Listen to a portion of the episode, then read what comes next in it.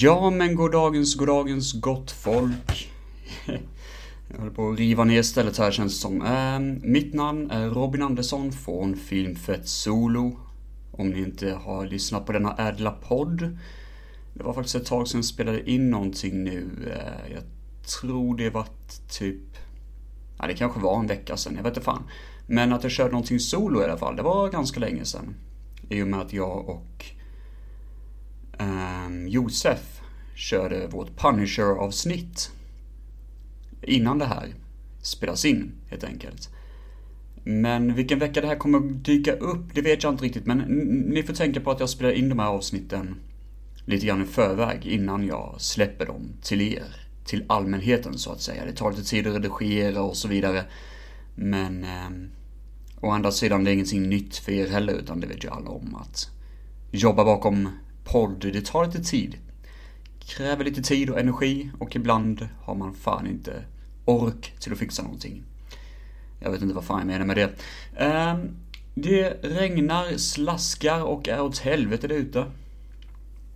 Det är 30 eh, juni, måste det vara. Sista juni i alla fall. Och eh, jag är egentligen inte riktigt i top shape idag. För eh, jag klantade mig och skippade lunchen idag på jobbet. I och med att jag kör runt väldigt mycket som sagt var så får jag antingen ta med mig någon jävla torr macka och käka eller så får jag åka in till Max eller något sånt. Och jag pallar fan inte något av det idag. Jag tänkte, ja men jag kör hela vägen hem. Jag kommer klara det. Och så bara sitter jag där i bilen och bara, fan vad trött jag blev. och nu har jag köttat i mig två mackor. Jag är fortfarande lite matt ärligt talat. Eh, och jag känner mig jävligt, alltså jävligt pantad att jag inte käkade något riktigt. För det behöver jag fan göra. Eh, idag är det lite speciellt upplägg. Jag ska ju prata om de sista två avsnitten av säsong 1 av Miami Vice. Vilket är jävligt coolt. Men jag kommer faktiskt skjuta upp det lite grann. Och anledningen bakom det är att jag har något jävligt coolt att berätta. Och jag kommer köra det först för fan, det är skitballt. Den här helgen som har varit, eh, det vill säga helgen efter midsommar, om ni kan räkna ut det. Så har jag och två polare, Alex och Joel, dragit iväg på ett litet äventyr. Vi brukar dra iväg på lite roadtrips i Sverige då och då, eller brukar och brukar, det här är typ tredje gången vi gör det på typ fyra år kan man väl säga. Ehm, det började väl 2017 tror jag måste varit. Vad fan var vi då någonstans? Fulufjället var det. Eh, ett fjäll längre upp i Sverige. Det började faktiskt med att vi... Ehm, nu får jag tänka hur fan började det egentligen? Vi skulle åka till det här fjället, men först så åkte vi till Mora, tror jag det var. Ganska tråkigt samhälle, ärligt talat. Det fanns inte så mycket att se där. Men eh, vi åkte till ett jättemysigt hostel. De var jättetrevliga. Hostel eller vandrarhem, jag vet inte fan. Något av det var det.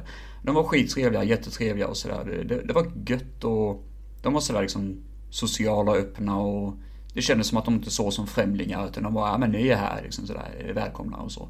Det, det var skitnice. Det var typ det enda positiva med Mora egentligen att de var så sköna personer. Annars så fanns det inte så mycket mer kul med det. Ja just det, det var en, eh, en person som jobbade på ICA. Eh, som satt i kassan då. Han var jävligt skön. Han eh, ville typ att vi skulle kommentera om vi skulle tillbaka till igen så ville han veta vad just den typen av snabbmat vi köpte, hur den smakade. Och sen när vi gick ut bara, ja vi kommer ju inte komma tillbaka hit. Liksom bara, han kanske väntar hela, alltså han, han, han kanske väntar fortfarande på att få ett svar vad fan, vad det var för jävla smak i den här eh, snabbmiddagen vi köpte liksom. Men i alla fall, skitsamma. Um, efter det så drog vi iväg då till själva fjället. Vi vandrade runt, vi gick runt, det tog en jävla tid att gå upp för det här jävla berget. Men det var sån luft, alltså den renaste luften man kan tänka sig och en av de största eh, jag fattar inte att jag har gjort det här, upplevelser jag har varit med om. Det kanske berättar ganska mycket för vad lite jag varit med om i livet, men för mig var det skitcoolt och jag tror de flesta håller med om att det var, eh, både Joel och Alex höll med om att det här var riktigt nice och lite grann av ett mandomsprov också liksom att göra det här typ. Så vi gick upp som pojkar, vi gick ner som män. Lite sådär kan man säga. Efter Fyllefjället så drog vi till Karlstad ehm, vi packade vår, vårt tält. Vi hade sovit jävligt dåligt den natten. Jag gick upp typ fem och sånt för jag var så jävla trött. Så vi kom till hotellet då i Karlstad. Spenderade kvällen i Karlstad. Ehm, vi gick på bio. Vi såg den ganska mediokra, ganska hemska ärligt talat. Eh, Independence Day 2. Och let's face it, jag hatar fan Independence Day. Alltså det är överamerikansk skit. Det är fan trash deluxe. Och inte på det här positiva sättet utan på det här, vad fan är det jag ser på sättet. Jag tycker ändå uppföljaren var okej, okay, för den var ändå rolig att se i sin dumhet, typ. Men ja. Eh. Men, eh, vad har vi mer för skoj? Eh, jo, vi sov över på det här fyra stjärns hotellet, eller fem hotells eh, kanske det var. I assköna, eh, alltså sängar, det var det godaste någon som varit med om. Riktigt nice var det. Och eh, ja, det var gött. Det var gött att bara verkligen kunna ha den här klassen när man sov bara. God damn, det kändes nice. Sen efter detta så ehm, var vi hemma helt enkelt. Det var inte så mycket mer än det. Och det var ju första resan vi gjorde då tillsammans. Andra resan vi gjorde var året därefter, 2018. Ni vet det där året då det typ var torka och det brann överallt och det var typ katastrof och typ andra världskriget. Men skitsamma, vi stack iväg i vilket fall som helst. Vi stack till Karlstad igen då, för vi beslöt oss för att vi måste göra någon resa. Vi gör något enkelt denna gången, vi åker till Karlstad. Och det sköna var det att vi gjorde inte så mycket egentligen när vi var i Karlstad. Det var rätt chill bara. Vi kom till en liten um, stuga kan man säga och hängde där ett tag och drack lite gott och sen på kvällen så, vi, vi satt ute typ hela jävla natten och bara drack och snackade om allt möjligt. Och det, det var gött på sån här vänskapligt sätt. Eh, även om det inte var så kul att berätta för er egentligen så var det ändå det var en helt annan typ av resa. Och den tredje resan som vi gjorde nu då, i och med att vi inte gjorde något förra året. Ja, vet du fan varför egentligen. Um, den tredje resan, nu får jag tänka, vad fan var det? Jo, fan, fan vad seg jag är, så jävla dum i huvudet idag. Uh, tredje resan var för fan i helgen nu Åh oh, gud, jag är verkligen inte på mig för att spela in idag, Men skitsamma, jag försöker mig på det bästa jag kan. Fan vad bra jag är på att sälja det här avsnittet alltså, shit. Um, skitsamma, vi drog iväg till um, Hudiksvall heter det. Och uh, jag hade tagit ledigt på fredagen. Så vi körde upp, jag körde upp mm, på torsdag då till dem i Nässjö. Och sen så körde vi från Nässjö då till Hudiksvall. Eller till ett samhälle utanför Hudiksvall eh, som heter eh, Ljusdal. Och eh, det var ju sex timmar tror jag det tog på fredagen då. Vilket fick mig att bli lite orolig för jag tänkte fan vad jobbigt det kommer bli att köra hem på söndagen. Hela resan hem för mig. Fy fan vad jobbigt. Nio timmar i bil. Äh, fy fan. Äh, men det fick man ju ta liksom. Vi kom till en fin stuga. Äh, mitt ute i ingenstans. Verkligen mitt ute i ingenstans. Jättefint var det. Och äh, det var en fin liten sån här mm, ja, ström typ vid sidan om som porlade hela tiden. Jättevackert. Typ Twin Peaks. Och sen var det en, eh, ett järnvägsspår som gick ovanför men det var nedstängt. De har tagit bort järnvägen. Men bron fanns kvar och den var skitvacker. Jag tog en bild på den. Jag tänkte inte på det först men sen så sa Joel då, min kompis. Han sa det bara, vad fan, alltså det, det var typ Twin Peaks. Jag bara shit, det var fan Twin Peaks. Han har fan rätt, det var Twin Peaks. Du kunde inte dra parallellen till det direkt liksom. Hur kan jag vara så seg att han inte fattade det direkt? Det var Twin Peaks. Um, det var skitnice. Han som hade det här placet var riktigt god och trevlig sådär. Underbar gubbe, ni vet sån här klassisk gubbe från längre upp i landet. Eh, nu kan jag inte vad fan vilket län det var vi, eh, vi var i, men det var längre upp i landet, typ Norrland där omkring liksom. Och um, ja, han var god, han var riktigt härlig. Um, och då kan man ställa sig frågan, varför åkte vi dit? Vad skulle vi göra där egentligen? Vad var poängen? Jo, i Hudiksvall finns en VHS-butik. Som ägs av en eh, mycket trevlig man. Och vi hade mejlat honom i förväg, kollat så att det var okej att åka dit, så att han inte hade stängt eller gått i konkurs och sånt på grund av att 2020 varit ett jävligt år. Men han sa, nej nej, jag är öppet så det är bara att komma hit liksom. Jag ska se till att ha öppet den helgen också så Ja, det var inga problem. Och utifrån sett så såg butiken inte särskilt imponerande ut. Det ser ut som en radiobutik, typ när man säljer radioapparater och så. Och eh, grejen med det är att han har besökt många sådana här eh, sci-fi mässor, eh, science fiction mässa och sånt. Och man har köpt en del DVD och sånt av honom. Man brukar inte ha med VOS på de mässorna. Och det förstår man egentligen varför, för det säljer inte lika mycket. Det är bara vi tre idioter som kollar efter sånt. Men... Ehm, det, vi fick höra om att han har väldigt mycket och jag har köpt lite VOS tidigare från hans hemsida. Så vi beslöt oss att vi skulle åka dit. Och vi gick in och det var en ganska stor lokal faktiskt. Typ som en sån här klassisk CD-skivebutik. Som var typ eh, för några år sedan innan alla de gick i konkarna. Så det var stort, det var vackert och det var packat med film överallt. Alltså, en jävla massa Blu-ray. Jag kan inte ens säga hur mycket det var, men det var skitmycket Blu-ray. Ingen ordning på det överhuvudtaget. Alla Blu-ray-filmerna var typ bara liksom överallt. Katastrofalt liksom. Ingen ordning på det alls. DVD-erna var också en jävla massa, men där var det mer ordning tycker jag i alla fall. För där var det mer liksom uppdelat efter genrer, efter regissörer. Nicolas Cage hade sin egna eh, sektion bland annat, vilket var lite småkul. Och en massa olika sektioner beroende på skådespelare. Jean-Claude Van Damme, Rutger Hauer tror de hade. Och en massa olika sånt. Och det, det var mysigt, det var riktigt nice. Jag tror till och de hade nog säkert John Carpenter, men jag kollade faktiskt inte upp det så mycket. Sen hade de en liten sektion, eller ganska stor sektion med tv-spel också på andra sidan butiken. Så det var liksom verkligen stort och brett och väldigt stort utbud och merch och allt möjligt. Det var allt ni kan tänka er. Och eh, längst upp i butiken om man säger så, så hade han hyllor packade med VHS-filmer. Och det var skitnice. Och vi tänkte, oh, här var lite roliga titlar och sådär. Um, Däremot så märkte jag ganska snabbt att Alex, en av oss då som åkte dit, han som letade efter monsterfilmer och typ eh, krokodilfilmer och sånt, att han Ja, han var nog lite besviken på att det inte var, alltså visst det var kul titlar men det var, det var inte så mycket speciellt. Det var inte de här guldkornen som han letade efter liksom. Och ja, jag förstår lite grann det att ja, han var lite deppig sådär.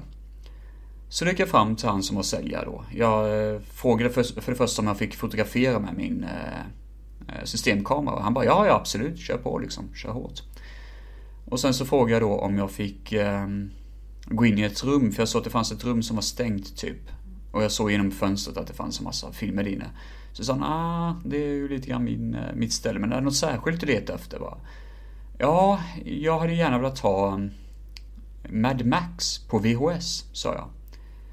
Ja, jag ska kolla, jag ska kolla, vi ska nog fan ha den. Och så gick han in och kollade på datorn då och så kom han tillbaka igen och så bara eh, den finns i rummet uppe eh, där, uppe, uppe för trappan. Jag bara, vadå, vadå för jävla rum liksom? Det, det här är väl allting bara? Nej, nej, nej, alltså vi har ett rum till typ alltså. Det är bara det att vi har stängt till dörren, men du kan öppna upp där och gå, gå upp. Det är ingen fara, alla får gå upp dit liksom. Så sa han att där finns jättemycket VHS och en del DVD och allt möjligt. Så vi alla tre gick upp dit och det här var ju mecka. Alltså, fy fan vad coolt det var. Jag hittade bland annat, det här var lite skämtsamt för jag sa eh, typ Åh, kolla här! Här är Miracle Mile på VHS, typ något sånt.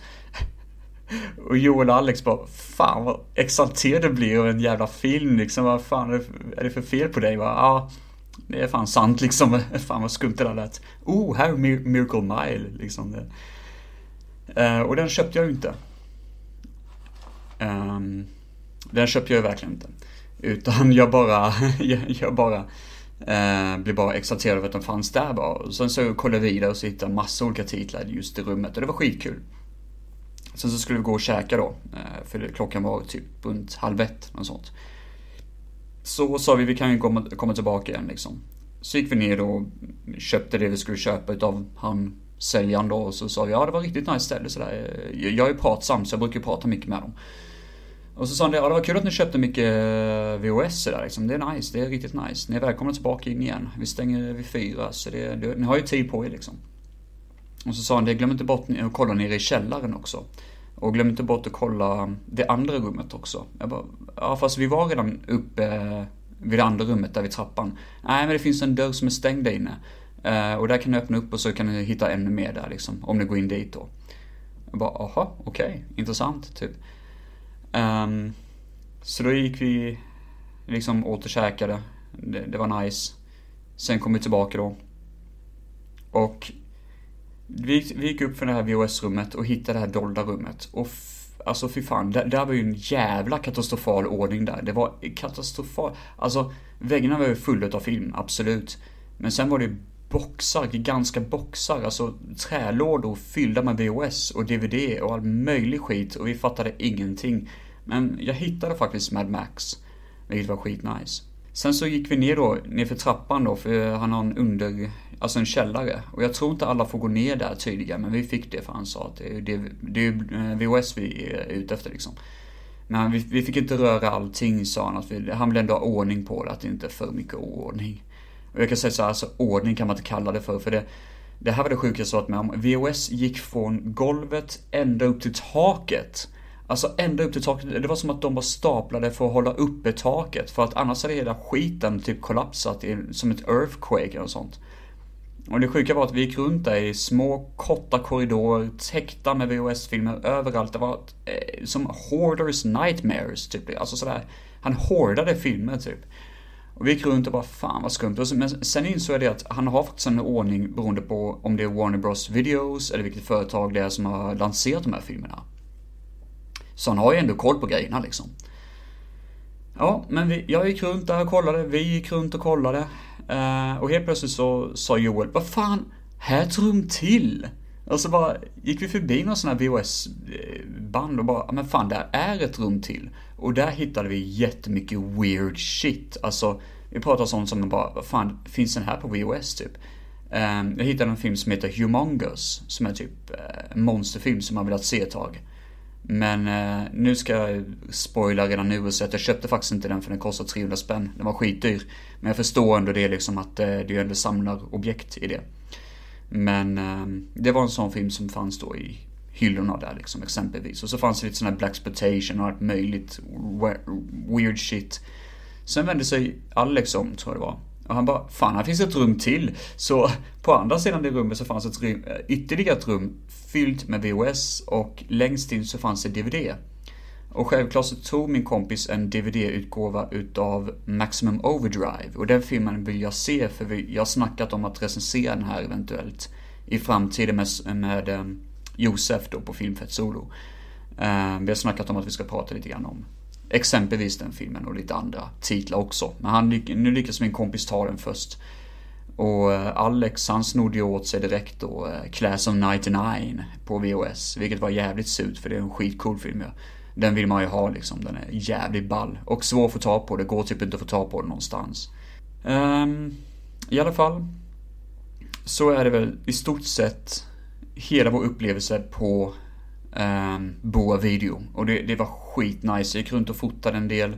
Jag hoppas jag kan lägga upp på Face, eller på Instagram. Uh, jag ska kolla igenom kameran och allting. Så ni kan följa mig på uh, Welcome to Anderson på Instagram. Uh, lägg till mig direkt så eh, får ni se de bilderna sen när eh, shit hits the fan så att säga. Så får ni se det. Och eh, annat jag kommer gå in lite grann sen på vilka filmer jag köpt. Men eh, innan dess så tänkte jag bara berätta lite mer om den här resan. För vi åkte hem till stugan, vi hade en ganska chill kväll, vi var alla väldigt trötta. Vi drack lite, snackade lite skit och sådär, såg lite grann på TV. Um, ehm, och eh, sen så dagen efter då så städade vi, fixade lite, lite sådär. Och eh, drog hem då, den nio timmar resan hem. Och det här är ju lite nerd alert, men det här är ett jävligt rolig, en jävligt rolig grej som hände. Ett missförstånd så att säga, som hände i bilen. Jag hoppas att Joel inte blir förbannad för att jag berättar det här för er, men Let's face it, det är typ ingen som lyssnar på den här eh, podden ändå. Det är väldigt få som gör det. Men Joel hade köpt en film som heter eh, någonting med en gentleman. En officer och en gentleman. Och det var väldigt överraskande, för vi tänkte vad fan har han köpt den för liksom? Det, Visst, den ska väl vara okej, okay, men varför har han köpt just den filmen? Det var jätteskumt. Ja, ja, tänkte inte mer på det. Det är väl en film man vill se helt enkelt, inte så mycket mer än så. Um, och det lustiga var att han, i, i bilen så sa han då, ja för jag älskar verkligen den här scenen med Tom Cruise Och med, eh, fan heter han igen? Fan heter han? Han från The Shining. Jack Nicholson. Jag älskar verkligen den scenen när de sitter i kammarrätten där. Och så spelar han upp den scenen då på, eh, i bilen då liksom sådär. Så vi alla kunde lyssna på det. Och... Eh, vi bara, ja men det är en bra scen, en jävla bra scen. Ja precis, officeren och en gentleman liksom. Och vi bara, det, va, vad fan pratar du om? Officer och en gentleman? Det är ju Richard Gere i den filmen. Det är ju inte Tom Cruise. Det, det, vad, vad fan snackar du om? Eller är Tom Cruise med i den? Sådär, så bara satt vi som frågetecken. Och då var han tvungen att googla. Och han blev sketförbannad. Han visste att den filmen han trodde han hade köpt, den heter egentligen A Few Good Men. Han har ju köpt Officer och en gentleman med Richard Gere. Han blev så jävla förbannad och så sa han bara, alltså han skrek och slog på oss och typ bara, jag som hatar Richard Gere liksom, jag, jag tycker fan inte om honom typ. Åh, fy fan vad roligt det var. Och vi retade honom hela vägen hem för det var ju dökul.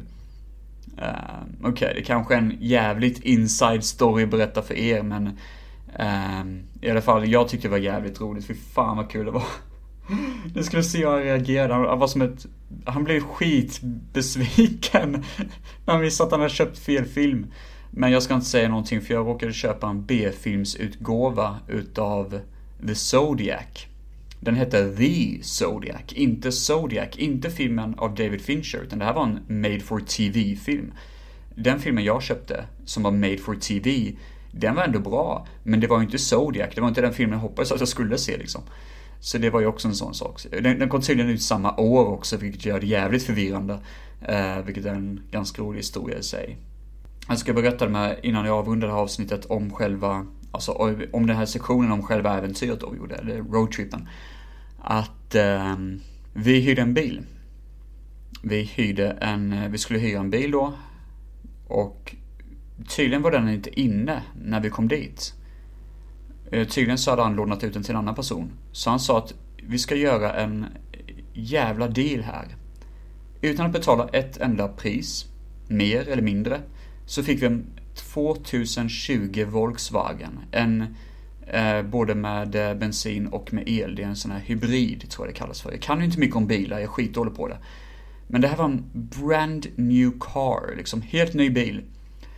Och eh, fan är det mer? Ja, den, den är ju automatare. Vi, jag och Joel är inte så vana vid att köra automatare. Alex kan det, men vi är lite sådär vid det. Men ja jävlar vad skön det var att köra. Alltså ni fattar inte hur jävla gott det var att köra en sån lång sträcka med en automatare. Lätt när jag skaffar bil i framtiden, eh, åter, alltså efter min Suzuki Splash då. Men den kommer köra 300 år till för det. Jag älskar fan den bilen alltså. Men i alla fall, hade jag haft, alltså hade jag varit tvungen att köpa en ny bil så hade jag köpt en automat utan tvekan för det var en jävla bra deal. Oh, oh boy. Sitta och svettas bara och tänka på den. Den var skitcool. Den var eh, attraktiv alltså. Det, det var jävla nice.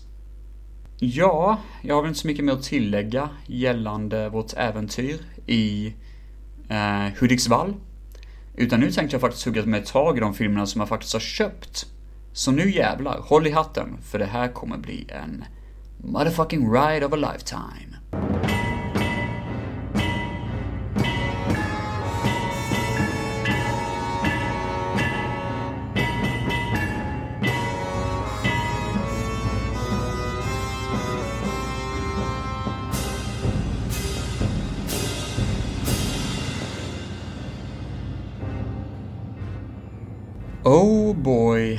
Mina damer och herrar.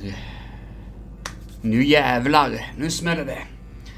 Jag har två gigantiska påsar, eller gigantiska, men det är två relativt stora påsar att gå igenom. Jag vet faktiskt inte ens hur många filmer jag köpt, jag tror det är 11 stycken. Eller sånt.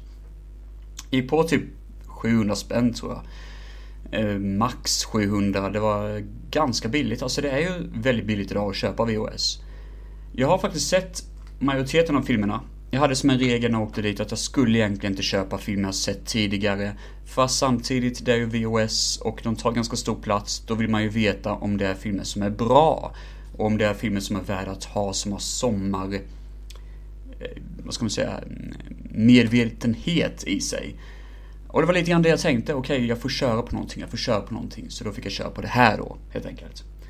Så... Um, beggars can't be choos choosers. Eh, jag vet inte fan vad jag menar med det. Men som sagt var, jag undvek Miracle Mile. För jag har den redan på Arrow Video. Eh, och jag känner det att det är en sån film som faktiskt förtjänar sin braja kvalitet. Och inte riktigt passar i VHS-kvaller. Första filmen här heter Blue Jean Cop.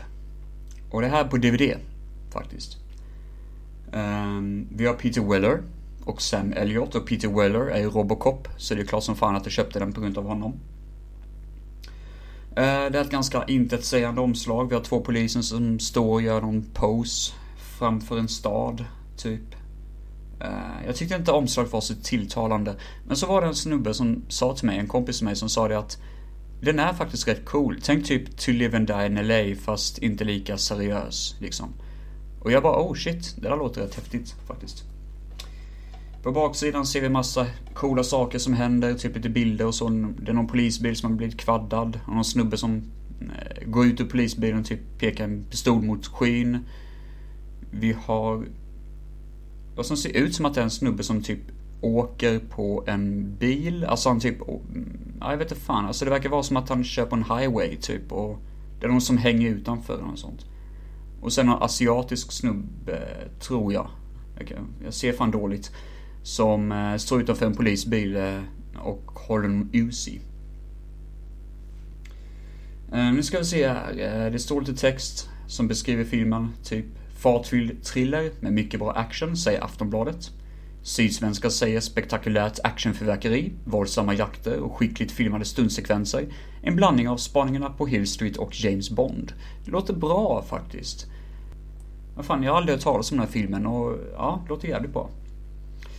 Dalton är en prydlig advokat som lever efter lagarna. Richie är en råbarkad snut som skriver sina egna. När Dalton utser att, uh, utses att försvara en knarklangare som skjutit ihjäl en polis länkas det osannolika paret samman.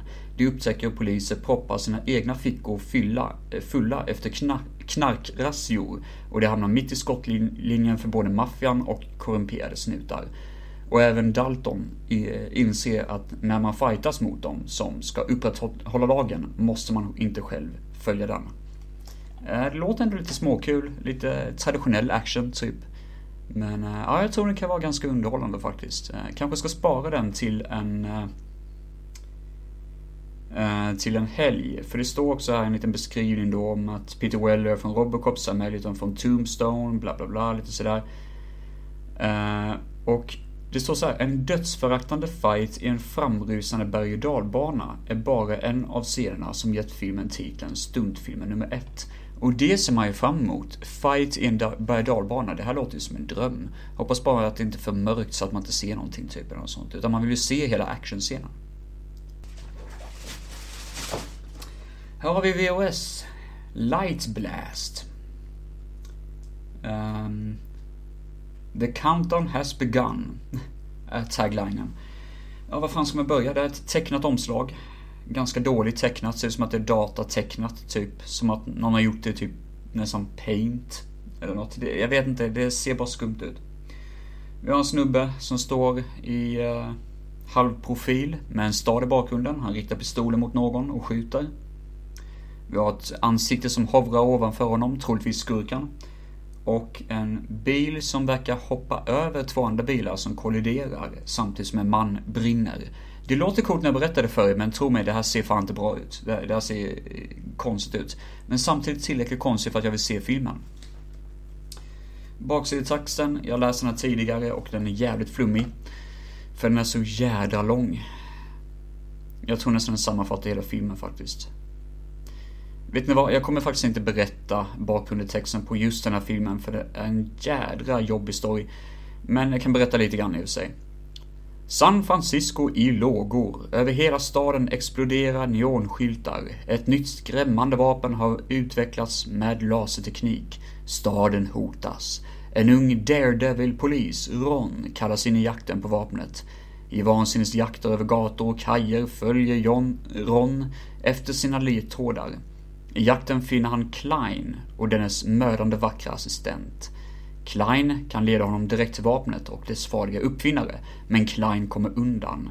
Ja, och så står det en massa andra saker, typ... Eh, då, eh, den fortsätter berätta om storyn, men jag kommer faktiskt inte berätta om det för er, för det känns som att den typ spoilar allting genom att... Alltså att den verkligen går hela vägen till slutet, typ. Så ehm, det låter lite småkul, men jag tror ändå det kommer vara ganska medioker. Jag tror faktiskt, det, det är nog den filmen som jag egentligen inte ser fram emot alls, typ. Ni som lyssnade på förra avsnittet, som fortfarande inte är ute på, det kan vara ute nu på Acast, jag vet inte fan, men i inspelande situation så är den inte ute på Acast för att filen var tydligen för stor. Den finns på Mixcloud däremot. Men i alla fall, i förra avsnittet, eller i ett av de föregående avsnitten så pratade jag och min gäst Josef om filmen Punisher. Och jag hade ju inte sett den med Dolph Lundgren. Men nu har jag den i DVD-format här framför mig. The Punisher med Dolph Lundgren. Judge, Jury, Executioner står det på beskrivningen. Bra beskrivet. Uh, destructible, reprehensible and marvelous fun enligt Time Out. Och så här står eh, bakgrundsbeskrivningen då. Frank Castle är en fruktad hämnare, mer känd som The Punisher, en före detta polis vars familj mördades utav maffian. Han är officiellt dödförklarad, bor nere i Clark-systemet och driver ett passionerat enmanskrig mot den organiserade brottsligheten. Ett framgångsrikt sådant, dessutom. Bara under de senaste fem åren har han rensat världen från mer än hundra gangsters.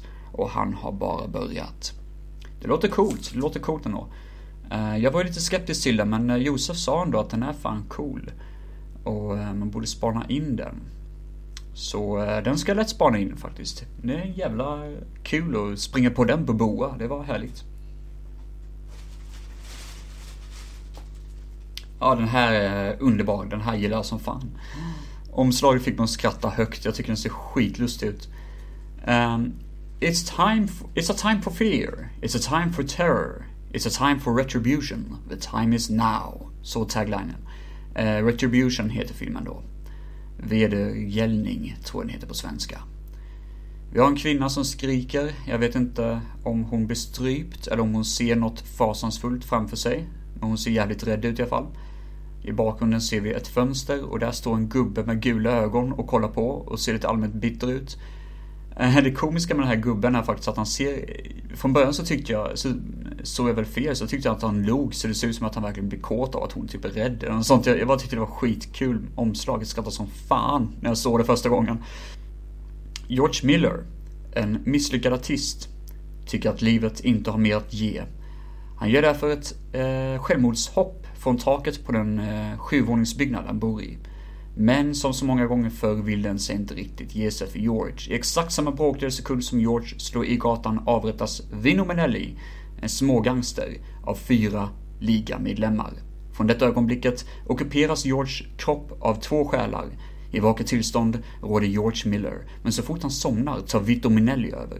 Och Vito Minellis själ får ingen ro förrän han har fått vedergällning. Det gillar jag. Jag gillar det här med possession, alltså besatthet och sånt. Och det var en intressant story ändå. Eh, de den roligaste beskrivningen av filmen är eh, den här. För det, det låter egentligen inte så positivt när man läser det. Bättre än genomsnittsrysaren, till stor del tack vare Dennis Lipcomb, som ser ut och spelar som en ung Rod Steiger. Jag tycker bara det är bättre än, ja den är bättre än mediokert. Typ man bara, okej. Okay. Bättre än genomsnittsrysaren. Det, det låter inte sådär jättesäljande. Uh, det låter lite sådär, nej den är okej. Okay. Typ lite sådär. Det tycker jag är lite småkul. Men i alla fall, den ser jag fram emot. Jag är fett sugen på den alltså.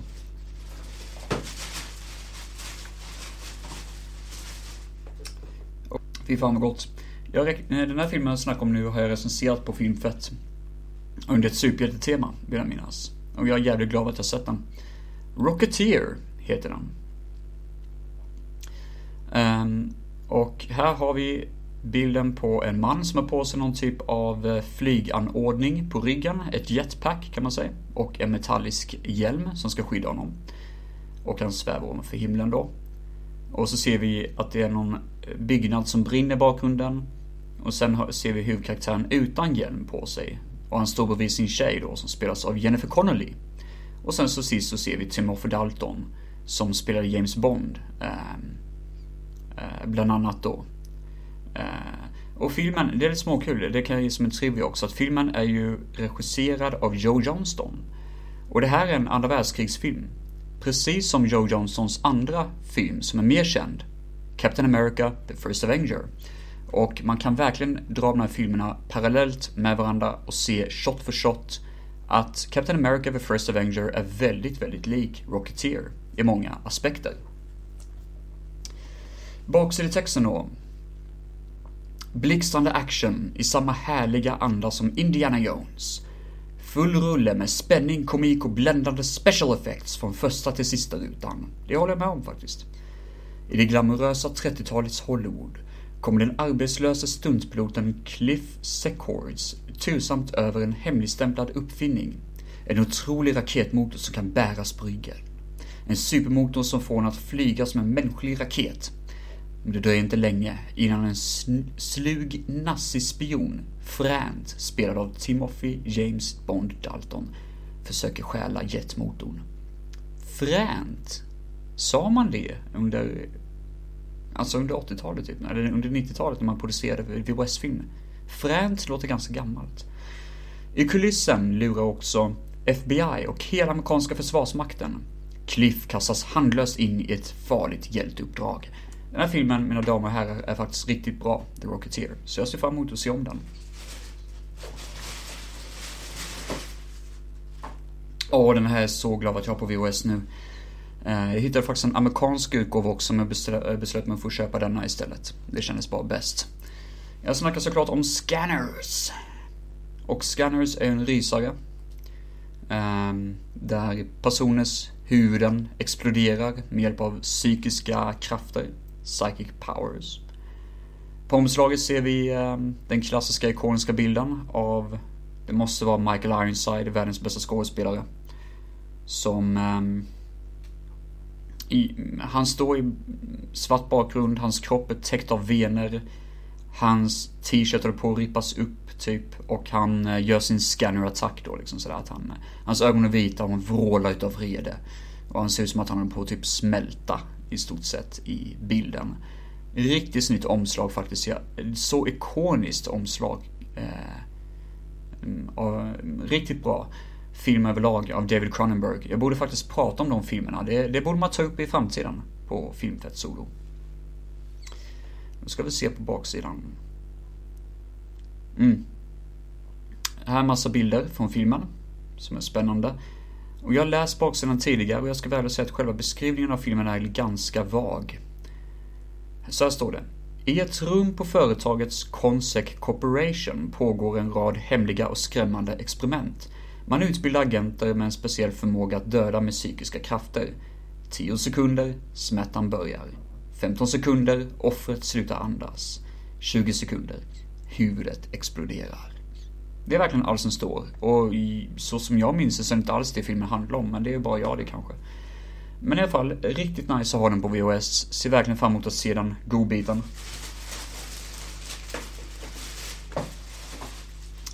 Och här har vi The Real Deal. Den här har jag velat ha länge på VHS. Tyvärr fick jag inte ha den här snygga omslaget som jag hoppats på. Men uh, beggars can't be choosers, eller vad fan han säger. Jag snackar såklart om Mad Max am the Night Rider. I'm a fuel injected suicide machine.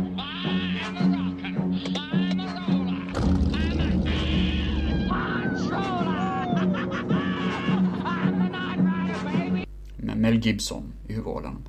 Omslaget är Mad Max i halvprofil.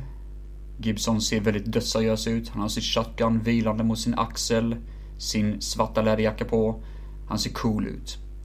Och så, det här är en amerikansk utgåva av filmen, kan man ganska bra veta. Så det står Spectacular, Ruthless, Savage. Det är allt som står på eh, eh beskrivningen av filmen. Alltså, alltså på själva omslaget då. Eh, som tagline, så att säga. På baksidan så står det så här, det, det här tyckte jag var ganska intressant. A gothic horror story set in Australia in the near future. Urban society is in thermal decay. The inner city, the intercity highways have become a nightmare arena for strange death games between nomad bikers and a handful of young cops in soaped up uh, eh, pursuit cars. Max is a young cop responsible for the death of a crazed biker known as Night Rider.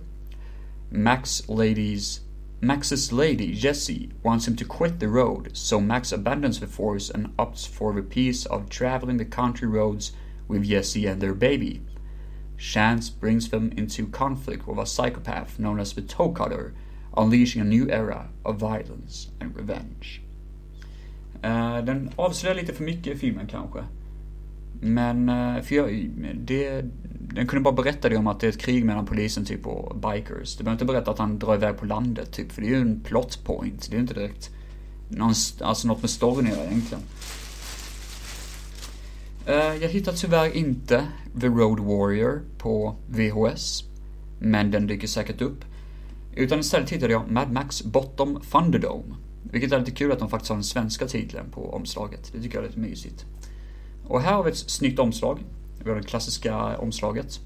Vi har Tina Turner i extremt långt vitt hår. De har typ alltså, målat upp håret så att det ser ut som en sol nästan. Och så håller hon en sån här spear gun som kan skjuta pilar typ. Um, Max håller en, um, ett spjut i sin näve. Och är typ lite under henne så att säga. Och under dem så har vi de barnen som är med i filmen. Sen så står det Mad Max bortom Thunderdome och sen sist av allt så har vi en liten, liten bild på några bilar längst bort i botten. Eh, det är ett snyggt omslag. Ehm, summerar filmen ganska bra tycker jag, för det är ju väldigt mycket fokus på barnen och väldigt lite fokus på bilar, vilket många har väldigt svårt för. Ehm, men så är det. Vi får snacka om det någon gång i framtiden. Som sagt var. Ehm, Baksidetexten, det, alltså det, det, det, måste bara nämna att de har ju kroppat in Max på, omslag, eller på baksidan. Men han är så, alltså, han är jätte, jätteful oskärpa. Alltså det är den fulaste jävla copy, copy paste eller fan det heter, som har sett typ på väldigt länge. Det, det ser fan inte schysst ut. Det ser riktigt, riktigt träigt ut. Det, det har inte gått igenom idag. Det ser för jävligt ut. Alltså storyn är ju hemsk också. Alltså hur de beskriver filmen är hemsk. Det här tycker jag är skitkul. Mel Gibson spelar Mad Max, en tidlös hjälte med brutal styrka, snabba reflexer och ett oerhört mod. Brutal styrka? Jag är ledsen men han har fan ingen brutal styrka. Uh, Mad Max anländer till staden Bartown. Nej, det heter Bartertown. Som styrs av en järnhand av den dödligt farliga Auntie, e- Auntie Entity. Jag minns bara att hon hette Auntie, men jag kanske minns fel. Tina Turner. I, Bart, I Bartown finns Thunderdome, en arena där fruktansvärda strider äger rum. Bara en regel gäller. Två män går in, en kommer ut levande. Tina Turner sjunger också filmens två ledmotiv, We Don't Need Another Hero och One of the Living. Jättedåligt beskriven eh, story. Alltså, har de ens sett filmen? Det hade jag velat veta. Men det var Mad Max Beyond Thunderdome. Nu går vi in på andra kassen här. Vi är bara inne i första kassen. Oj, oj, oj, oj. Här har vi goda grejer. Ja, just det. Det här var gött ändå att jag faktiskt köpte den. Den amerikanska utgåva dock. Blu-ray-utgåva den här gången. Av um, Army of Darkness. Och uh, det är skumt, den heter bara Army of Darkness. Jag tänkte att den borde heta Evil Dead, eller Evil Dead Army of Darkness. Det såg bara Bruce Campbell vs. Army of Darkness. Det var skumt som fan, faktiskt. Men jag har ju sett den här filmen innan, jag tycker den är skitbra. Det är jättemycket bakom, alltså text bakom filmen, bakom Blu-ray-filmen. Uh... Nej, jag vet inte fan. Jag kommer faktiskt inte läsa den här känner för det är för mycket text och det här är en film som alla känner till också. Men det är en jävla bra film. Det är typ den bästa i serien enligt mig. Eller jag gillar ju ettan och tvåan också. Det, det är svårt att säga vilken som är bäst. Åh, det här är jag glad att hittat. Åh, vad glad jag blev. Wedlock med Rutger Hauer. Det här är en riktigt bra film. Jävla bra story faktiskt. Um, omslaget är ganska tråkigt. Vi har Rutger Hauer som typ täcker hela omslaget. Han har ett halsband runt sig. Och sen så ser man en öken typ. Och så står det Wedlock. Det är jätte, jättedåligt. Och så står det typ Förrådd av en kvinna från det förflutna, fast i ett framtidens fängelse. Frank Warren är färdig att explodera. Ganska tråkigt, tycker jag. Eh, baksidan då. Bra skådespeleri och intelligent manus, tycker vi Hollywood Reporter. Ja. Skådespeleri tänker jag inte så mycket på. Visst, Rutger Hauer gör ju alltid sitt jobb, men menar storyn är skitbra. Så här är storyn då. Ja, det, det, det, är också några bilder där det står typ lite sådär eh, text under då. Eh. Men det, det är ganska intetsägande, det, det är inga roliga bilder egentligen. Som teasar filmen så bra. Men eh, så här är storyn då. Frank Warren är hjärnan bakom en fräck diamantkupp. Eh, Dessvärre åker han fast, men hinner gömma bytet värt 25 miljoner dollar. Han placeras i ett ultramodernt fängelse. Det enda som hindrar fångarna eh, att rymma är ett högexplosivt halsband kopplat till en okänd medfånge. Om det avlägsnas, eller de två fångarna kommer mer än 100 meter ifrån varandra, så exploderar båda. Halsbanden kallas Wedlock. Tracy påstår sig vara Franks Wedlock partner, vilket han betvivlar ända tills hon iscensätter deras rymning utan att det exploderar. Nu börjar en kapplöpning mot tiden för att få tag på diamanterna, behålla livet och bli av med sina Wedlock. Det, det, alltså det låter löjligt, men jag tycker fan om den filmen. Det är en sån, ett sånt koncept också som finns med i den... Um, um, fan, The Running Man. Sci-fi-filmen med... Uh, fan heter han igen? Med Arnold Schwarzenegger. Men uh, det, det, här är faktiskt en riktigt bra film. Uh, rekommenderar den starkt. Ja, just det. Det är en film som jag köpte lite blint. Jag har sett en recension för länge sedan av Good Bad Flicks, heter han. Och eh, han rekommenderar den. Han tycker den är skitbra. Eh, med Lance Henriksen. Good Bad Flicks är en skitbra eh, recensent på YouTube förresten. Jag borde verkligen spana in han. Han har de här riktigt bra eh, titlarna, alltså min typ av smak när det kommer till film. Men i alla fall, Lance Henriksen är med i en film som producerades, exclus ex exclusive producer var Wes Craven. Filmen heter Mind Ripper. Och bakgrundsstoryn är ganska enkel faktiskt. Eller alltså, jag ska väl säga att själva omslaget suger. Det ser jättedåligt ut. Det är typ ett ansikte som skriker och så är det två personer som springer typ mot oss i kameran. Så det, det ser inte kul ut. Det är väldigt tråkigt faktiskt. Men så här står det på baksidan då. En skräckinjagande thriller som får ditt blod att frysa till is. Några vetenskapsmän har fått i uppdrag att skapa en elitsoldat. Experimentet är topphemligt och basen är baserad under jord. Mitt ute i öknen. Någonting går fruktansvärt fel och teamet stängs inne tillsammans med det monster de skapat. Och så är det en massa coola bilder då. Och det är ganska, alltså bilderna är verkligen sådär gotiska. Vi, vi har någon snubbe som skriker i smärta och sträcker sin hand ut som att han behöver hjälp. Vi har två personer som verkar hota varandra av någon anledning.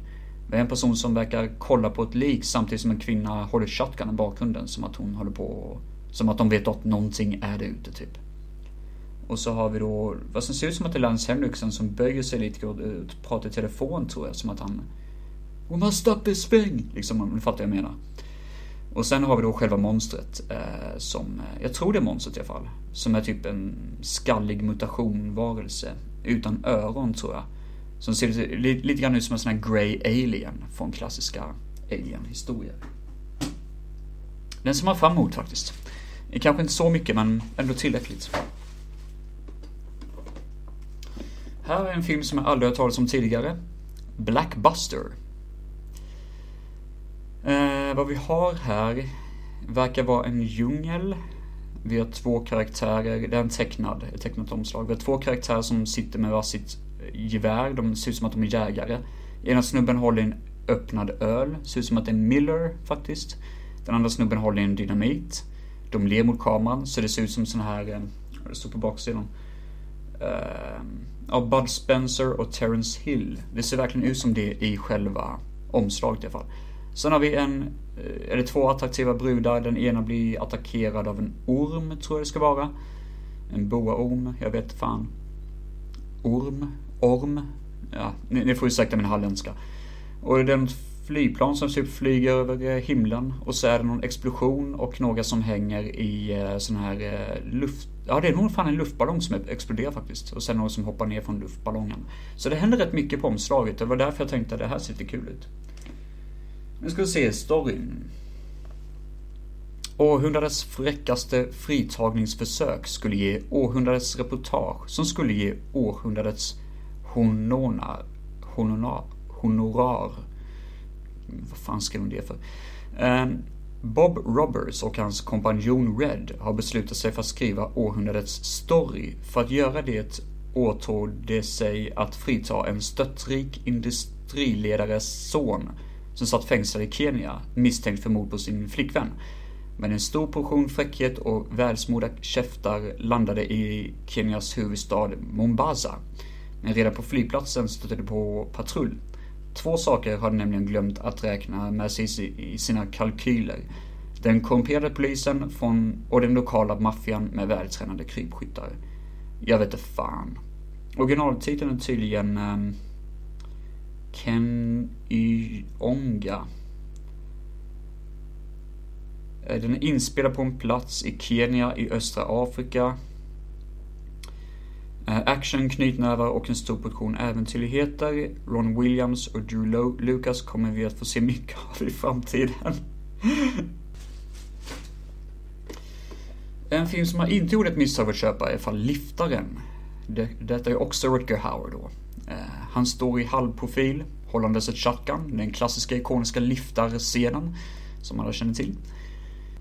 Baksidan är ganska cool för alla bilderna från filmen är typ dränkta lite sådär halvt rött. Som att det ser ut som att det är sådana här solblekta fotografier typ. Och det ser nice ut faktiskt. Och så har vi en sol som lyser starkt i bakgrunden. Och jag tror det lyfter, nej det, det är inte liftaren, det är huvudkaraktärens profil. Som man ser.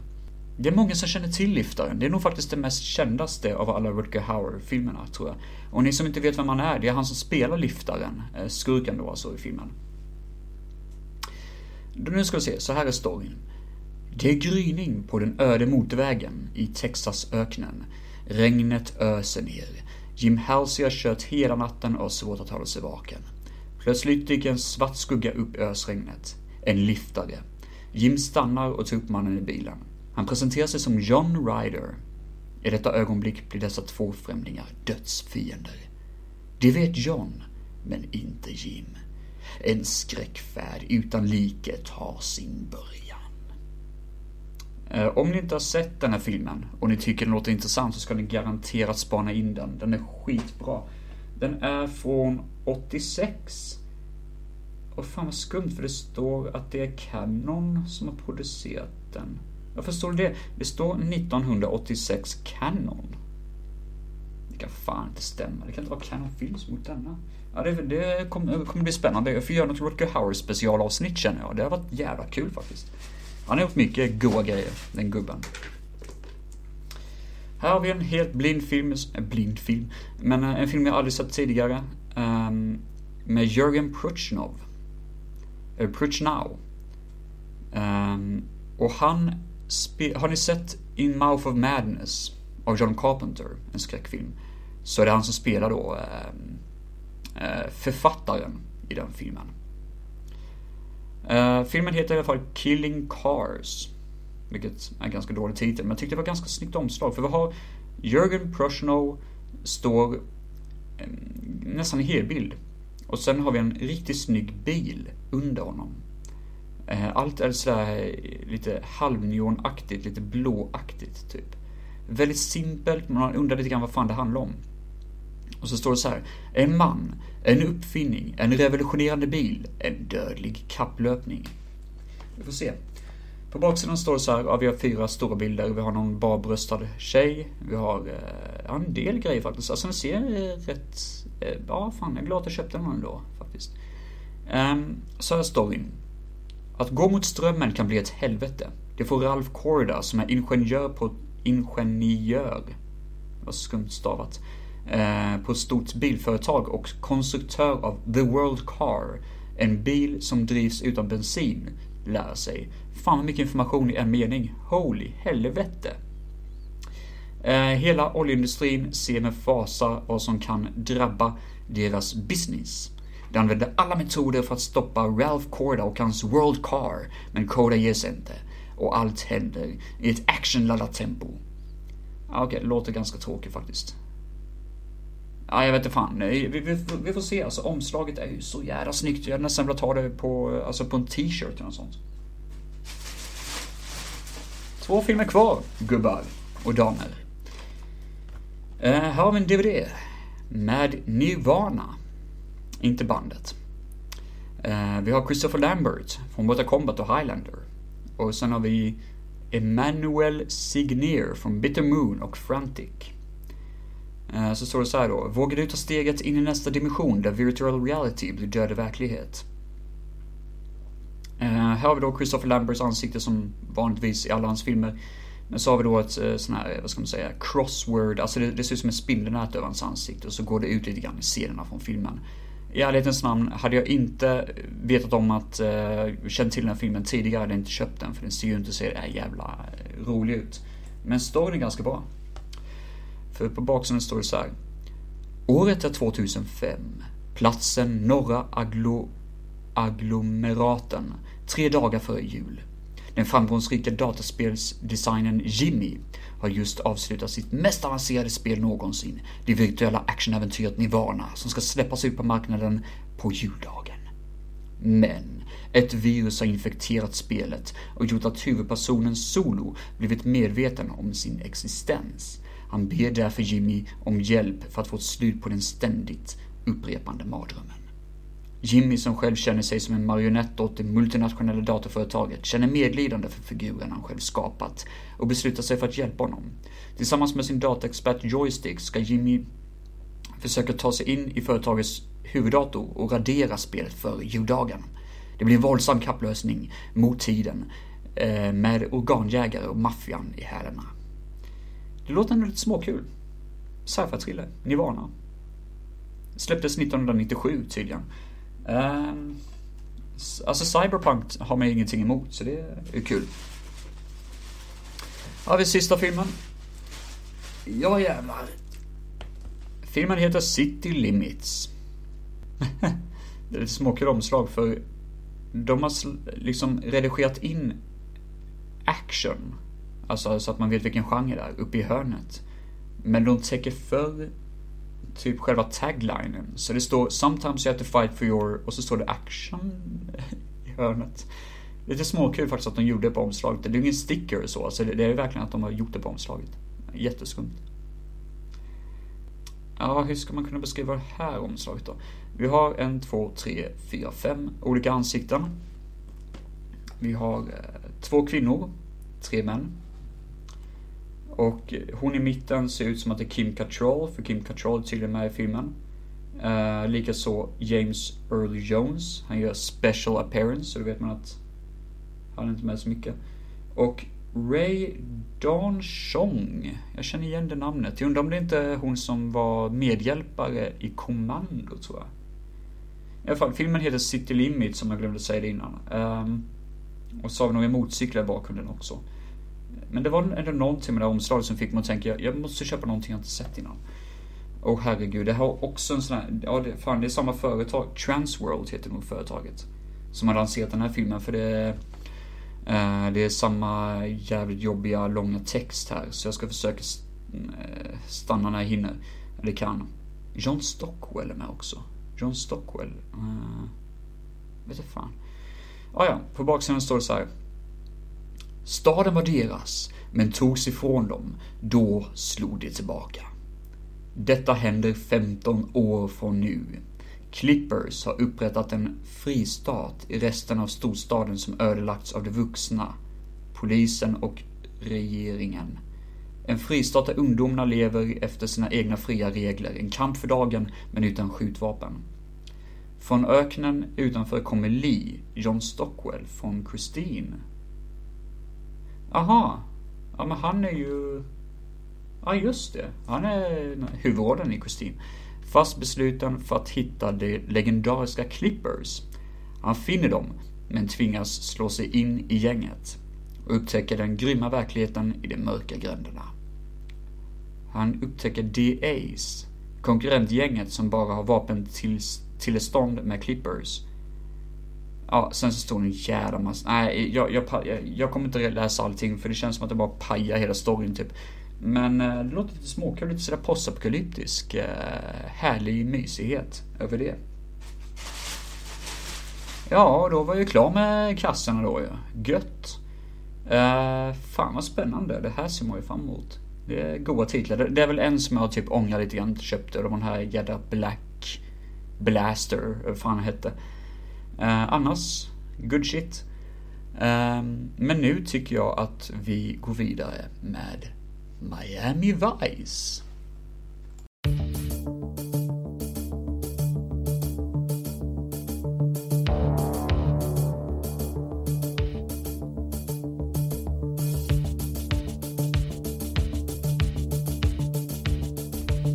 Jajamensan. Då var vi här, damer och herrar, med de sista två avsnitten av Miami Vice säsong 1. Och eh, innan jag drar igång med det här så ska jag bara säga det att jag håller på just nu med säsong 2. Jag är inte klar med den ännu, men istället för att prata om det i varje avsnitt, som jag gjort tidigare, så kommer jag nog bara göra ett enda megaavsnitt där jag snackar om Miami Vice och samtliga episoder. Jag vet faktiskt inte hur jag kommer lägga upp det. Men då är vi inne på disk 8. Och vi börjar med avsnittet eh, Evan. Och det här är bra, mina damer och herrar. Det här är en av de bästa avsnitten i hela serien. Jag har sagt det många gånger när det kommer till Miami Vice. Men det här påminner väldigt mycket om Heart of Darkness. Crockett ska gå undercover med någon kokainsnubbe som vanligt. Um, men så inser han att han känner igen en person i det här rummet. Och direkt efteråt så säger han då till sin partner Tubbs att de måste sluta där, de måste avbryta allting. För den person som var i det rummet är Evan, han är en undercover polis som jobbar för att ta fast eh, bad guys, undercover helt enkelt. Och det här är tydligen ett jobb som han utför då, med den här kokainkungen. Så han sa okej, okay, we're out of there, it's another per eh, person involved in this case, bla bla bla. Men eh, precis som med Hard of Darkness så är det lite grann att eh, det, det handlar om mer än vad man tror. Men det är inte bara det att det handlar om en person som är instabil, som Evan är. Evan är en väldigt instabil insider. Han är eh, riktigt jävla knäpp, ärligt talat. Och han tar ett sånt här suicide mission jobb. Men det visar sig att Crockett vill inte ha någonting att göra med Evan. Och när vi får förklaringen varför så blir det jävligt emotionellt och jävligt fint.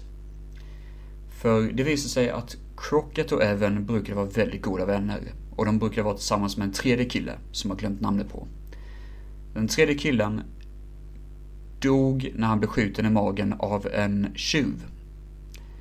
Och eh, precis, alltså det var det som var så märkligt. De, de säger hela tiden, hur kan en tränad polis vara så dum att han går på, alltså fram mot en beväpnad Eh, tjuv och blir skjuten i magen? Jo, för det visade sig att den tredje killen faktiskt var homosexuell. Och det här var 70-talet och då var det inte okej okay att vara det. Informationen läcktes ut på eh, Vice-avdelningen, eller avdelningen de jobbade på då i alla fall. Och eh, den här tredje killen då, som är mannen som dog helt enkelt, han eh, blev utfrysen. Och eh, typ var inte längre vän med Crockett och Evan då. Och Crockett hatar det för han lägger mycket hat på sig själv, att det är han som är ansvarig för den här killens död. Och han ångrar varje dag i sitt liv vad som har hänt. Och samtidigt som Evan tar de här skitfarliga jobben och utmanar sig själv hela tiden och sätter sig själv i jättefarliga situationer. Och är mentalt instabil.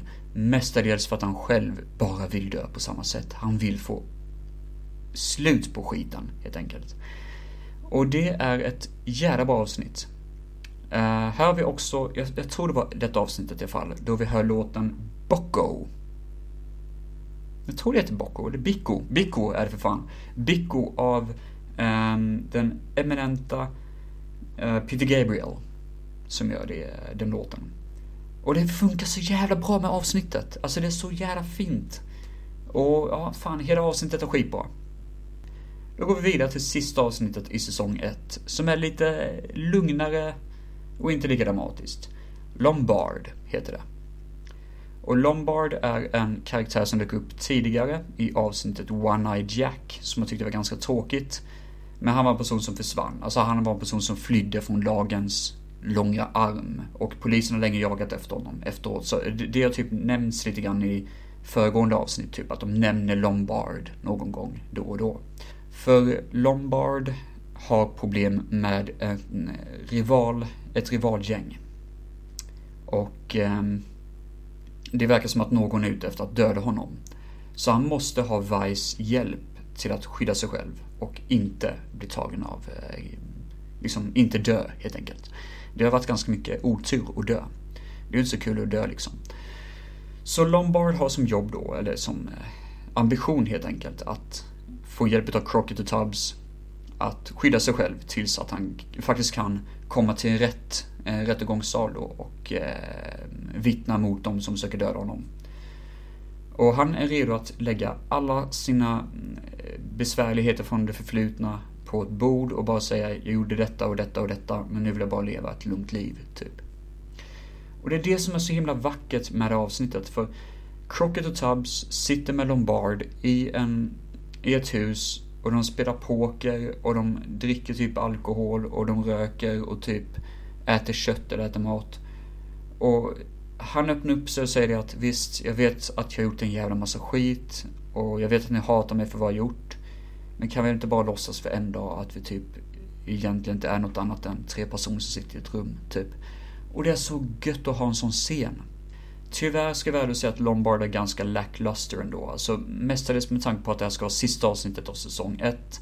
Och det här är en grand final som egentligen inte är en bra final. Eh, för att det känns som att det här egentligen skulle kunna ha något mer explosivt mot slutet, men det händer typ ingenting mot slutet. Det bara slutar och sen är avsnittet över. Och där slutade säsong 1, typ, av eh, Miami Vice. Generellt, vad tycker jag om den här serien? Jo, den är jävligt fenomenal. Det är bra avsnitt, vi har riktigt bra fina avsnitt och eh, det var en cool serie. Jävligt cool serie.